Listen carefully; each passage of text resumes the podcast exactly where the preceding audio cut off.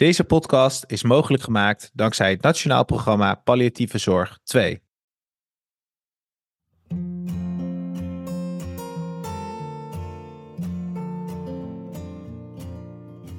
Welkom bij alweer een nieuwe aflevering van de Current Podcast. Ik ben jullie host Nick Dekker. Vandaag gaan we in gesprek met Etje Verhagen. Etje is geestelijk verzorger en psycholoog en is consulent van het consultatieteam Netwerk Palliatieve Zorg. Daarnaast is hij kartrekker geweest voor de geestelijke verzorging in de eerste lijn.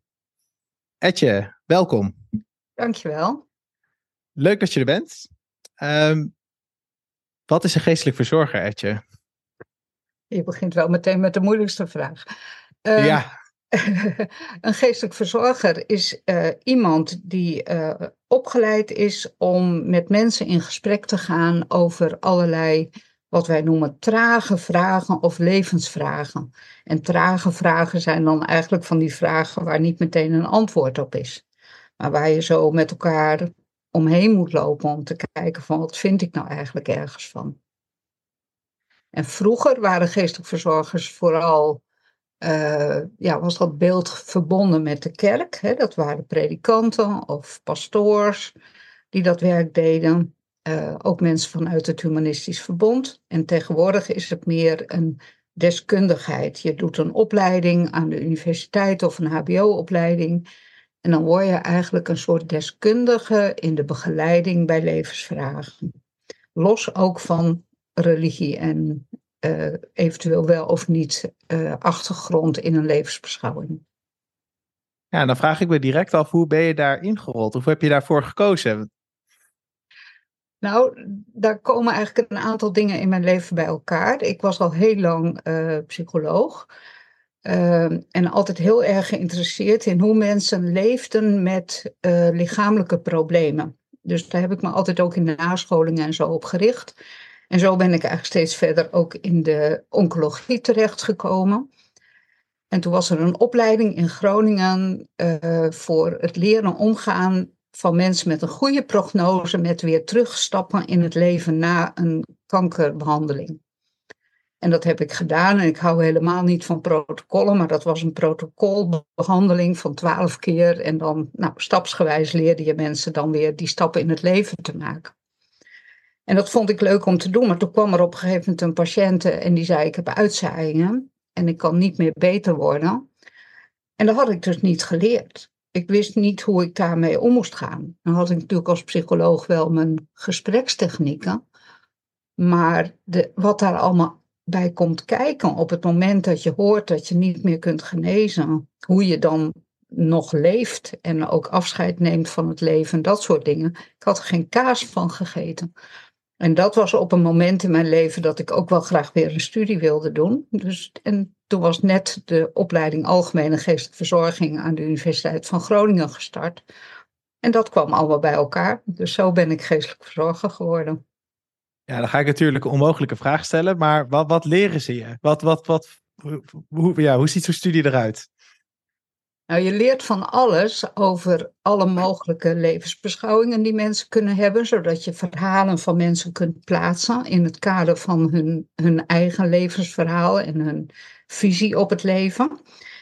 Maar als mensen mij vragen wat heb je nou bijgeleerd, dan zeg ik altijd ik heb heel veel afgeleerd. Want als psycholoog kijk je heel erg naar wat is er aan de hand en wat kan ik eraan doen om daar verbetering in te brengen. En als geestelijk verzorger doe je eigenlijk een stap achteruit en vraag je aan mensen hoe gaat het met u? En dan komt er een verhaal en daarin probeer je mensen bij te staan. Maar niet vanuit een beeld van ik ga er iets aan sleutelen of aan veranderen.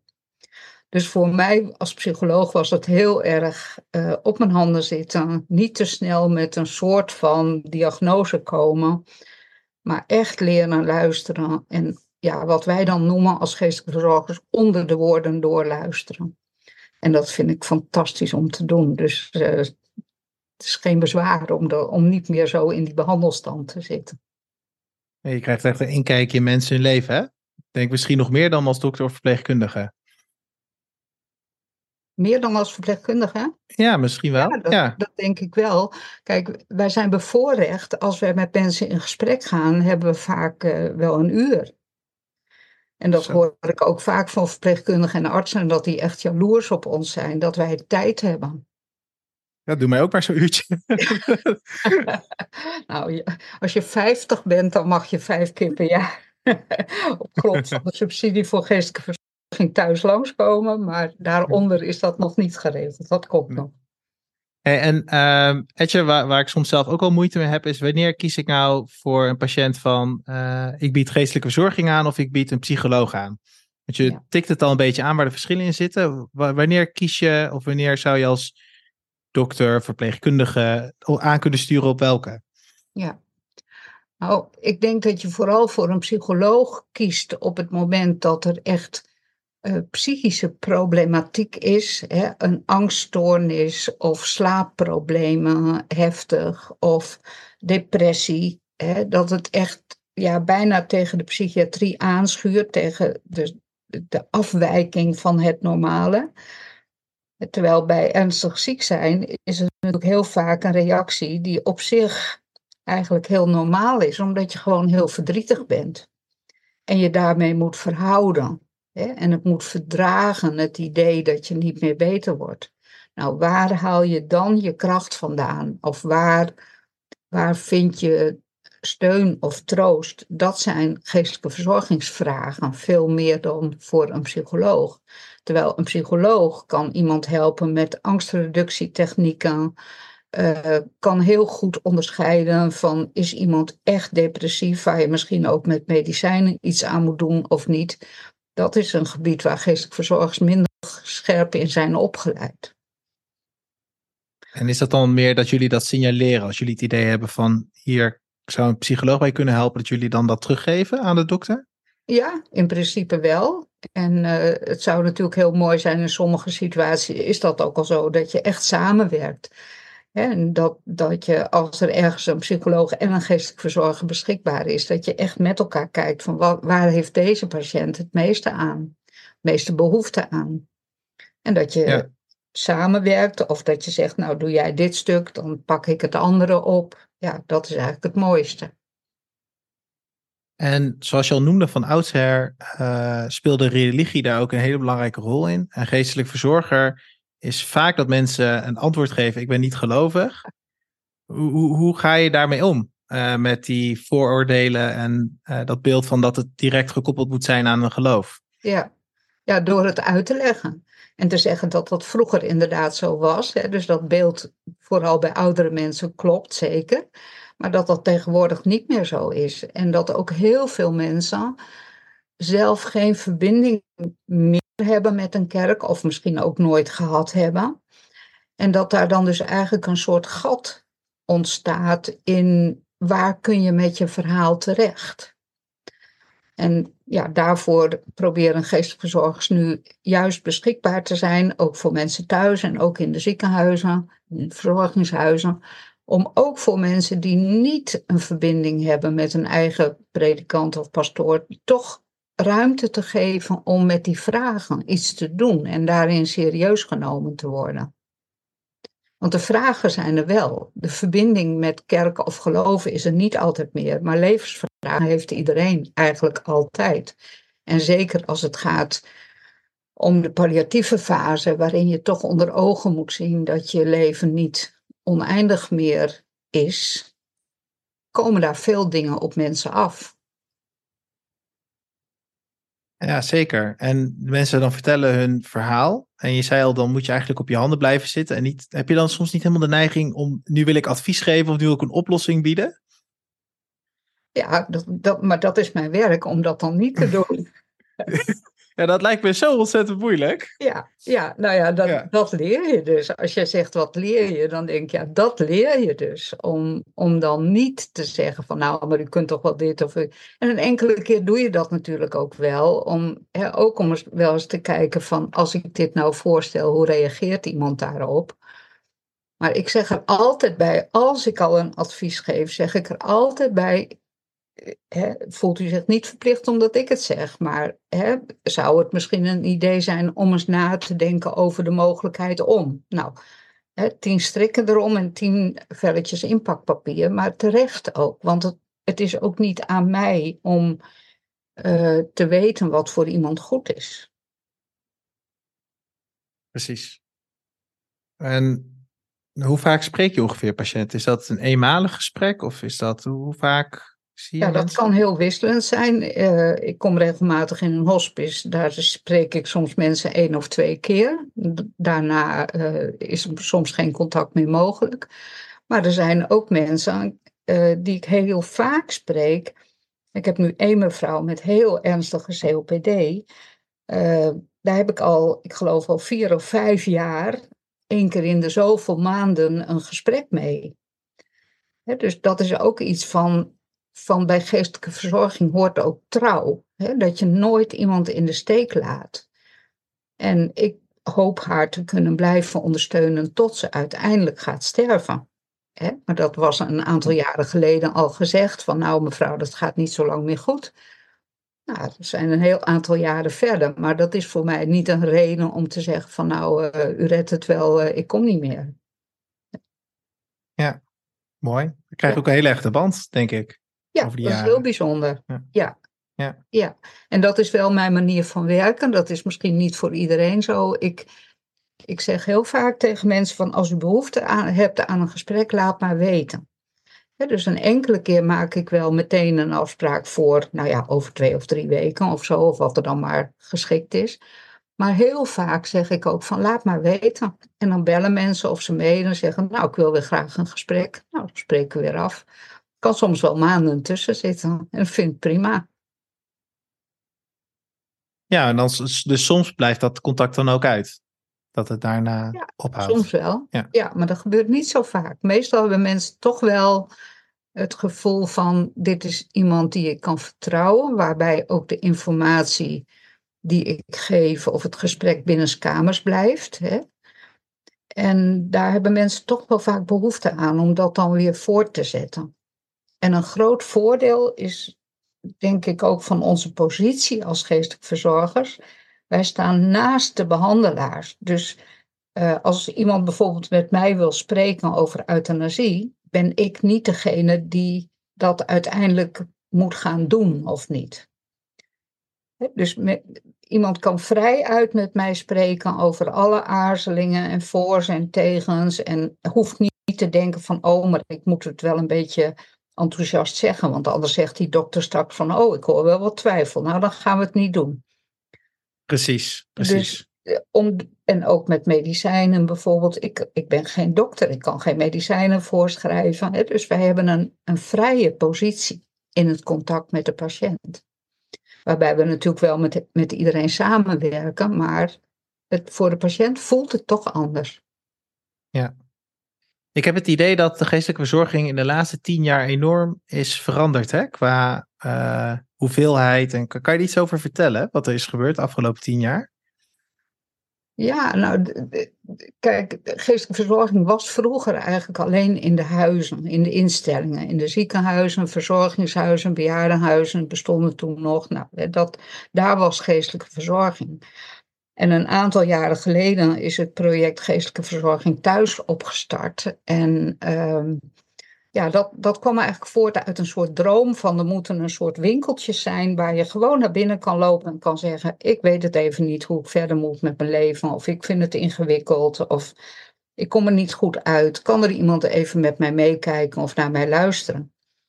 En dat signaal is opgepikt, ook door de politiek. En daar is een grote subsidie uit voortgekomen. En sinds die tijd hebben we dus het project Geestelijke Verzorging Thuis. Waarbij ja, iedereen boven de 50 en alle palliatieve patiënten en hun naasten daar gebruik van kunnen maken. Zonder verwijzing, zonder kosten. Uh, en dat is een hele grote verandering. En een parallel daaraan zijn er dus, wat ik net vertelde, steeds meer geestelijke verzorgers gekomen met gewoon een, een opleiding tot deskundige op het gebied van dit soort vragen. Die niet meer verbonden zijn aan een kerk of aan een levensbeschouwelijk instituut. wel allemaal in een kwaliteitsregister staan ingeschreven, maar niet per definitie vanuit zo'n instituut komen. En dat geeft voor veel mensen, zeker mensen die, die een moeizame relatie hebben met iets wat, wat met kerk te maken heeft, geeft dat ruimte. Want je hoeft daar dan niks mee. Nee. En dus eigenlijk zou iedereen via de huisarts die boven de 50 is, zou een consult kunnen aanvragen? Nou, niet eens via de huisarts. Je kan gewoon zelf je aanmelden. Oh, hoe? Via de website. ja, die er, zijn, even nee, er zijn overal in Nederland, het is nu landelijk uitgerold, zijn, dat heet Centra voor Levensvragen. En daar zijn teams. En dan kun je in jouw regio gewoon opzoeken. Je hebt de website www.geestelijkeverzorging.nl en dan kun je postcode intypen en dan krijg je gewoon een lijstje van mensen. Dan kan je een fotootje kijken en kijken van nou, die lijkt me wel aardig en die bel je op. dan zeg je, ik wil een afspraak. En dan wel verdrietig als je er niet zo aardig uitziet dan. Ja, dan heb je een probleem. ja, precies. Ja, nee, maar goed, er zijn natuurlijk ook, hè, wij hebben in ons team hier in Zwolle nu ook iemand uh, met een islamitische achtergrond. We hebben humanisten, we hebben algemeen geestelijk verzorgers, we hebben dominee geestelijk verzorgers. Hè, dus die komen we wel verbonden met het christendom. En dat is ook mooi, want dan kan iedereen kijken van nou, wat, wat past bij mij? En uh, daar bel je dan mee. En er komen inderdaad ook veel verwijzingen via de huisarts en ook veel via de thuiszorg. Heel veel thuiszorgmedewerkers worden steeds alerter op wat speelt hier eigenlijk nog meer, behalve de somatische problemen. En die vragen ook steeds meer door, hoe gaat het eigenlijk met u? En als ze zelf het gevoel hebben van, nou, dit, dit wordt me te gortig, te ingewikkeld, of ik heb er geen tijd voor, dan bellen ze en zeggen, goh, wil jij een keer naar die mevrouw toe gaan? Of meneer, nou, dat doen we dan. Dus dat is ook de taak eigenlijk aan iedere zorgverlener om alert te blijven van, uh, hoe gaat het essentiële gebied, hè? Zeker. De spirituele. ja absoluut. En het lastige daarvan is wel, wij noemen dat vaak de, de ongestelde vragen. dat als je aan iemand vraagt hoe gaat het met u, zal iemand niet zo snel vragen, nou het gaat wel aardig lichamelijk, maar ik heb nog wel wat levensvragen. Weet je, zo gaat dat niet, dat zeggen mensen niet. Dus het is echt aan de zorgverleners die bij iemand betrokken zijn om dat boven tafel te krijgen. En ook aan te geven van nou, maar dat is heel normaal en heel begrijpelijk dat u daarmee zit. Zullen we eens kijken of we iemand voor u kunnen vinden die u daar een steuntje in de rug kan geven.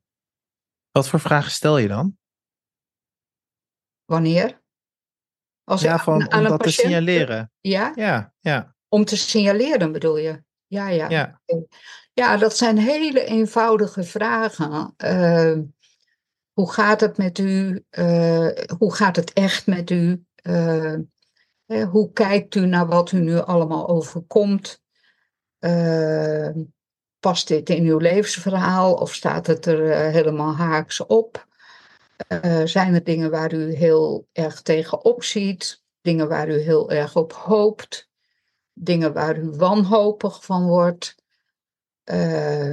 hebt u iemand in uw omgeving waar u steun kunt zoeken als u het moeilijk hebt? Nou, dat, het zijn eigenlijk hele eenvoudige, gewone vragen. Ik denk dat die toch het allermoeilijkst zijn om te bedenken en ook te, te beantwoorden, hè? Als patiënt. Ja. Nou ja, dat weet ik niet. Ja. Meestal als je zo'n vraag stelt, komt er wel. En dat iemand dan na een tijd ook wel zegt: Goh, wat fijn dat iemand daar nou eens een keer naar vraagt. Ja. Zo. En de meeste mensen hebben daar toch wel een antwoord op. Hè? Mensen die die in de palliatieve fase zijn, die, die worden natuurlijk geconfronteerd met dat ze uh, iets moeten met die afronding van hun leven. En dat kan soms ook nog wel tien jaar duren, wat het op zich niet makkelijker maakt. Door als je weet dat je over een paar weken er niet meer bent, dat is verschrikkelijk. Maar als je weet dat je tien jaar moet leven met ik weet niet wanneer dat einde komt, is ook niet eenvoudig. Nee, dus dat, precies mensen hebben daar meestal toch wel, wel hun ideeën over. Dat ze, wat ze daar lastig gaan vinden. En Etje, ga je nog een keer terug naar het vak als psycholoog of blijf je nu altijd geestelijk verzorger? nee, ik ben beide. Beide? Ja. Nou, dat vind ik wel grappig. Soms denk ik wel, ik kan in één zin van pet wisselen. Kijk, ik blijf natuurlijk ook kijken als psycholoog. Als ik luister als geestelijk verzorger en ik hoor echt iets wat neigt naar psychopathologie, dan gaan bij mij natuurlijk wel alle rode lampjes aan. Dat, dat kan niet anders. En ik kan mensen ook wel inderdaad hele praktische adviezen geven over slaapproblemen of over omgaan met angst en dat soort dingen. Maar dat zeg ik er meestal wel bij. Dan zeg ik van nou, ik zet nu even mijn psychologenpet op en vindt u dat goed? En dan, dan, roep ik wat. En dan, ja, dan kun je ook om lachen, weet je. En dat, dat werkt ook heel goed. Als je er maar duidelijk over bent. Ja, ik denk dat je er heel duidelijk in moet zijn. Dat anders het ook juist heel verwarrend kan zijn. Ja, nou, dan hoor, ik nooit dat mensen daar last van hebben. Nee. Mooi, ja, geeft heel veel inzicht uh, in het vak. Ehm, je had al wat sites genoemd hè, waar mensen het zelf kunnen vinden. Zijn er nog andere uh, tips die je wil geven aan de zorgverleners? Nou, een, een, onderwerp wat we nog niet zo besproken hebben, maar wat wel echt bij geestelijke verzorging hoort, is ook wel het uitvoeren van rituelen. En dat klinkt dan ook heel zwaar en heel groot en ingewikkeld. En dat kan het ook zijn, maar dat hoeft helemaal niet. Ja, maar je kan ook met mensen nadenken over van, uh, ja, wat, wat kan je nou helpen? Op dit moment helpt het als je een, een mooie kaars aansteekt en bepaalde muziek luistert, bijvoorbeeld. Je kan ook met mensen spreken over het ritueel bij het afscheid van hun leven. Hè, de, uitvaart, dat hoort ook wel bij ons werk om daar met mensen in ieder geval over na te denken. Van wat zijn dan belangrijke dingen uh, ja, waar, je, waar je ook kunt zorgen dat je tot je recht komt. En dat je ook je familie tot zijn recht laat komen, bijvoorbeeld. Nou, dat soort dingen. Waar je een voorbeeld noemen nog de, eh, dan in dat laatste stuk? Nou, wat bijvoorbeeld bij veel oudere mensen op het ogenblik een zorg is, dat zijn mensen die dan nog wel ook met de kerk leven en vanuit het geloof leven. En die kinderen en kleinkinderen hebben die daar echt helemaal niks meer mee hebben. En die dan heel uh, onrustig worden uh, als ze bedenken dat hun uitvaart misschien niet volgens de regels zoals waar zij mee opgevoed zijn en die voor hun belangrijk zijn, dat zo'n uitvaart dan gedaan wordt en ze willen dan hun kinderen niet voor de voeten lopen, maar ondertussen hoor je daar dan toch vaak wel veel onrust over. Maar dat zijn dingen, daar kun je met elkaar over praten. En dan kun je ook een gesprek organiseren met de kinderen erbij en zeggen van ja, het is allemaal belangrijk. Je vader of moeder wil graag het op die manier, maar die wil ook jullie niet dwars zitten. Dus, hè, en dan, dan kun je kijken of je dat boven tafel kunt krijgen, wat de werkelijke waarden zijn die daaronder zitten. En als het dan voor een oudere echt van essentieel belang is dat er een onze vader gebeden wordt, terwijl een klein kind zegt van nou daar wil ik niks mee te maken hebben, ja, dan kan je erop uitkomen dat je zegt dan doe je maar even je vingers in je oren. Maar we doen het wel, want de oma vindt dat heel belangrijk. Weet je dat? En, en dan, dan kan je respectvol zijn naar iedereen toe. Maar als het onbesproken blijft, geeft het vaak onrust. Mm Mooi zeg fantastisch werk. Helemaal goed. Dankjewel Etje. Geeft een hele hoop duidelijkheid denk ik voor iedereen. Om het uh, verschil en ook wat de meerwaarde is van geestelijke verzorging. Ja. Oké, okay, dankjewel. Dankjewel luisteraars. Bedankt voor het luisteren en tot volgende week.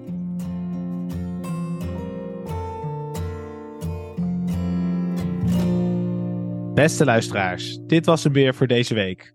Abonneer op onze podcast om geen enkele aflevering te missen en stuur je reacties naar podcast.carent.nl of ga naar onze website. Bedankt voor het luisteren.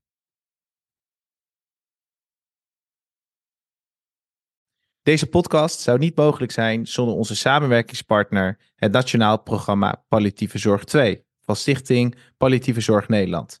Zij maken kennis en ervaringen beschikbaar via de websites overpalliatievezorg.nl voor patiënten en palliaweb.nl voor zorgverleners. Tot volgende week.